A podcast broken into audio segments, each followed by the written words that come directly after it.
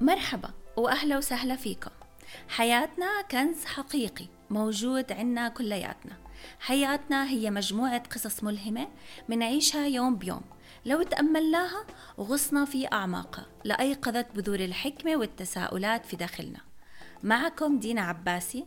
إن شاء الله فكرة اليوم تلامس قلب كل واحد فيكم. يلا مع خاطرتي.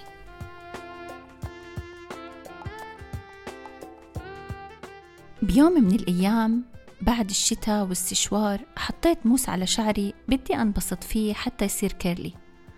ويومها كانت الصدمة. شعري للأسف راحت منه كل طعجاته. وأكيد ما عم بسمعكم هاي الخاطرة عشان طبيعة شعري ولا هاي المعلومة أصلا ما بتعنيكم.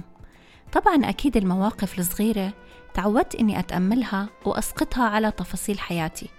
بمناسبة اقتراب العودة للمدارس حبيت أسقط هذا الموقف على سلوك طفل يمكن نعتبره مجعد أو كيرلي.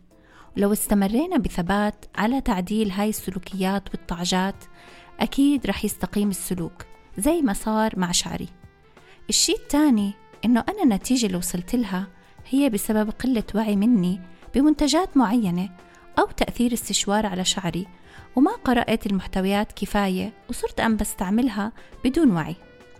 الشي الثالث إنه نعمة كتير صغيرة بس عن جد ما كنت حاسة بأهميتها إلا لما فقدتها وما بنكر إني زعلت وقتها لكن هلأ عم بحاول أشعر بجمال وأهمية كل نعمة موجودة بحياتي حتى لو كانت بسيطة شو هي طعجات حياتكم؟ شو الأشياء اللي حابين تستقيم؟